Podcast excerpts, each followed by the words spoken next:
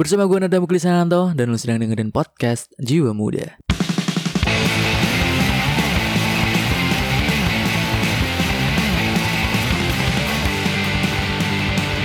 Kembali lagi di podcast Jiwa Muda dalam waktu yang sangat singkat ini. Jarang-jarang loh gue bisa bikin episode seproduktif ini dalam waktu yang singkat seperti ini.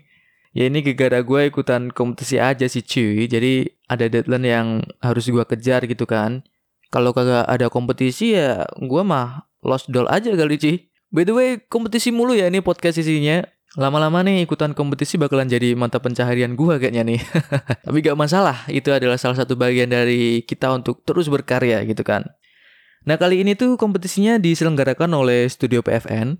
Buat lo yang belum tahu apa itu PFN, gue kasih tahu nih. PFN itu singkatan dari Produksi Film Negara dan PFN ini merupakan perusahaan umum atau perum yang merupakan BUMN dan satu-satunya di BUMN yang berada di bidang perfilman mania, Ci. Gokil ya, BUMN punya suatu badan usaha yang bergerak di bidang perfilman. Gue juga baru tahu ini. Dan gue yakin lo juga baru tahu ya kan?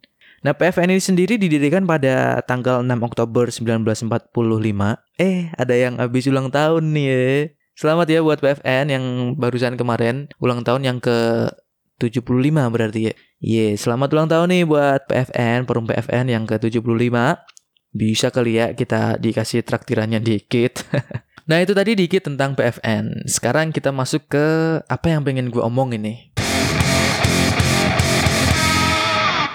Masih tentang 2020 yang gak asik ini men. Kita udah berada di penghujung bulan Oktober. Peringatan Sumpah Pemuda yang ke-92 tahun juga udah di depan mata tapi dunia masih porak-poranda ya. Kita semua tahu ya bahwa pandemi itu memukul berbagai bidang termasuk uh, ekonomi. Nah kali ini gue mau ngomongin ekonomi nih. Tapi ya ekonomi ala gue gitu ya. Gue kan bukan pakar ekonomi, tapi gue ini hanyalah kaum masyarakat ekonomi lemah ya kan. Tapi sekarang kayaknya ekonomi itu lagi juga pada melemah semua kan ya. That's why pemerintah itu mengeluarkan suatu program yang namanya tuh pemulihan ekonomi nasional. Buju, ini program nih ya cuy, gue kasih tahu duitnya yang digelontorin gila bejibun banget ya. 695 triliun. Itu kalau diduitin bagaimana ya numpuknya segede gedung berapa tingkat ya? Walaupun pemerintah udah ngelontorin dana segede itu, men, jangan salah. Gua sebagai kaum ekonomi lemah juga pengen berperan dalam pemulihan ekonomi nasional ini dong. Tapi gua nggak tahu apakah peran gue ini ngefek sama pemulihan ekonomi nasional atau kagak gitu ya. Tapi ya semoga ngefek sih, men. Jadi begini ceritanya. Gue tuh sekarang lagi bikin usaha gitu sama teman-teman gue. Nah kenapa gue bikin usaha? Gegara mata pencaharian kemarin gue jadi gue tuh kemarin punya cuci sepatu gitu, jasa cuci sepatu di belakang kampus gitu. Cuman gegara target market gue pada pulang ke rumah semua karena target market gue mahasiswa. Jadi kagak ada pemasukan sama sekali. Gue mencoba untuk beradaptasi dengan keadaan gitulah ya. Jadi akhirnya gue ngajak teman gue, beberapa teman gue, dua teman gue gitu, kita berkolaborasi buat bikin suatu brand. Tapi sorry banget gue belum bisa ngebocorin di sini karena kita belum launching. Launchingnya kita agendain akhir tahun nanti sekalian kita mau kasih promo gede-gedean. Gue kasih clue aja produk gue ini tuh bergerak di bidang masih di bidang fashion dan juga kosmetik. Di bidang lifestyle juga bisa masuk gitu.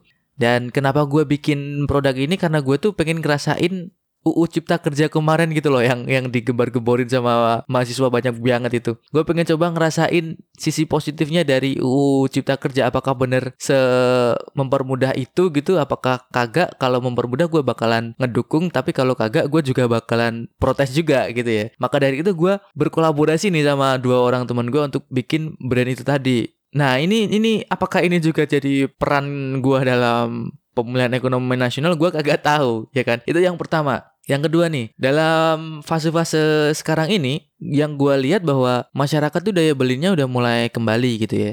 Dulu waktu awal-awal masyarakat tuh kan pada ngekip duitnya tuh.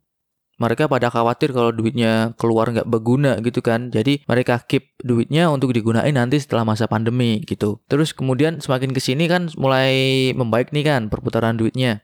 Nah gue tuh adalah salah satu orang yang begini. Gue nggak tahu ya apa apakah pemikiran gue ini bener secara ekonomi, secara ilmu ekonomi gue nggak tahu, tapi gue tuh punya pemikiran kalau duit tuh ya, kalau disimpan terus, kagak ada perputaran duit di sekitar kita, maka daya beli kita tuh semakin menurun gitu. Jadi yang bener tuh kan duit harus berputar terus gitu ya. Ya di lingkungan kecil kita nggak masalah gitu. Gue mikirnya seperti itu biar biar terjadi kegiatan ekonomi di sekitaran kita gitu kan. Nah yang gue lakuin dari prinsip gue yang gue lihat itu tadi tentang duit yang harus berputar itu adalah ketika gue punya teman-teman yang lagi buka open open PO kayak gitu ya. Open PO ya bukan BO ya. Open PO kayak gitu gue sebisa mungkin buat ikutan join PO mereka gitu ya.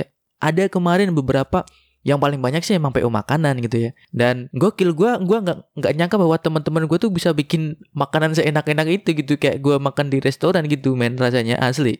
Jadi gue ikutan PO PO macam itu PO makanan PO kecantikan juga kemarin gue ikutan PO ini cuy uh, masker wajah sama juga lotion gitu teman-teman gue yang cewek. Terus kemudian gue ikutan PO masker topi juga kemarin gue juga ikutan tapi nggak semua teman-teman gue gue ikutin bo nya lama-lama kalau gue ikutin semua tekor juga gue gitu kan. Nah jadi dari prinsip gue yang melihat bahwa duit itu harus berputar gue merasa bahwa ketika ada teman gue yang ngebuka PO kayak gitu gue harus ikutan berpartisipasi di PO itu biar ada kegiatan ekonomi di sekitaran gue nah ini apakah juga ngefek ke pemulihan ekonomi nasional? Gue juga tidak tahu tapi yang gue tahu ini, yang gue pasti tahu dan gue pasti ngefek ini ke pemulihan ekonomi nasional adalah ketika gue nyaranin bokap gue buat daftar ini bantuan hibah dana UMKM yang 2,4 juta itu.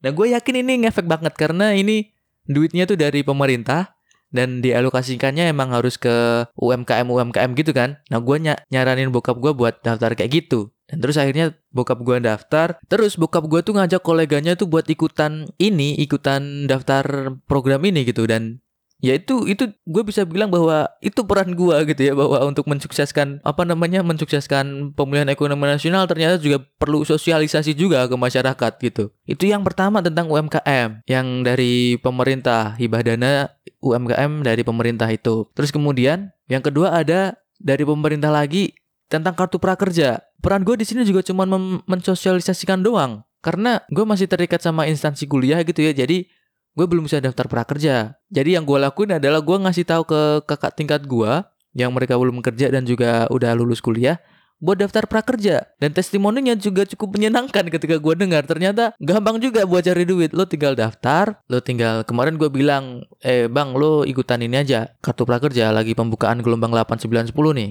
Mereka pada daftar terus kemudian mereka ikut pelatihannya terus habis itu dapat duit 600 ribu per bulan. Gampang juga cari duit gitu ya. Ya walaupun harus ada seleksinya juga di awal gitu. Dari yang ketiga gue lakuin ini peran gue dalam pemulihan ekonomi nasional yang paling impactful yang nomor tiga ini gitu ya. Tapi gue berharapnya yang peran gue yang pertama dan kedua itu juga bisa ngefek sama pemulihan ekonomi nasional ya. Ya walaupun tingkatannya lokal gitu tapi gue berharapnya itu bisa jadi salah satu instrumen gitu buat pemulihan ekonomi nasional. Semoga aja gue nggak tahu. Sekali lagi gue ini hanya kaum masyarakat ekonomi lemah bukan pakar ekonomi gitu ya So itu aja gue pengen cerita itu aja peran gue dalam pemulihan ekonomi nasional gitu tiga peran utama itu tadi semoga bisa ngefek ke pemulihan ekonomi nasional gitu ya. Nah pesan gue sama lu semua cuy, ayo men kita tuh sebisa mungkin kalau pengen cari solusi tinggal lakuin apa yang bisa kita lakuin aja gitu loh.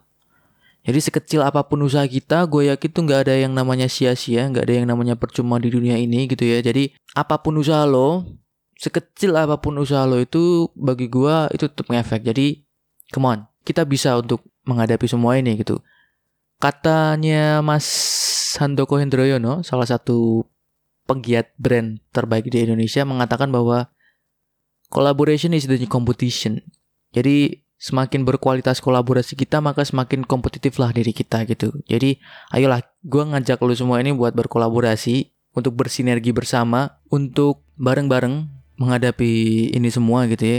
Karena ini semua pemulihan ekonomi nasional tuh nggak bakalan bisa berjalan dengan baik apabila ini cuma dari satu pihak doang. Jadi gue ngajak lo semua buat bergerak semampu lo sebisa lo apa pun lo yang yang lo lakuin gue yakin itu bisa ngefek ke ekonomi nasional gitu ya. So itu aja yang bisa gue sampaikan. Terima kasih atas atensi lo sampai detik ini. Gue Nanda Muklisana pamit dari pendengaran lo. Gue mohon maaf ada apabila ada kesalahan kata.